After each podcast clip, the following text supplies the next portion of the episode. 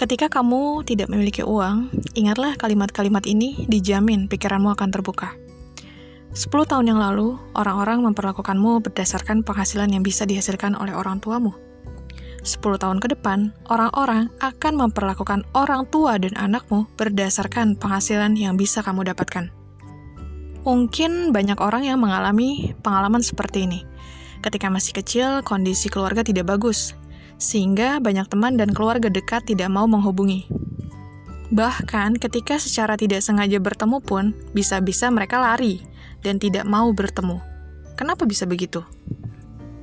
Itu karena mereka takut kamu akan meminjam uang ataupun alasan-alasan lainnya. Tetapi ketika kamu sedang banyak uang, akan banyak orang yang bahkan sebenarnya tidak kamu kenal sekalipun akan menyapamu dan mengajakmu ngobrol. Seakan-akan di tengah gunung pun kamu bisa memiliki saudara.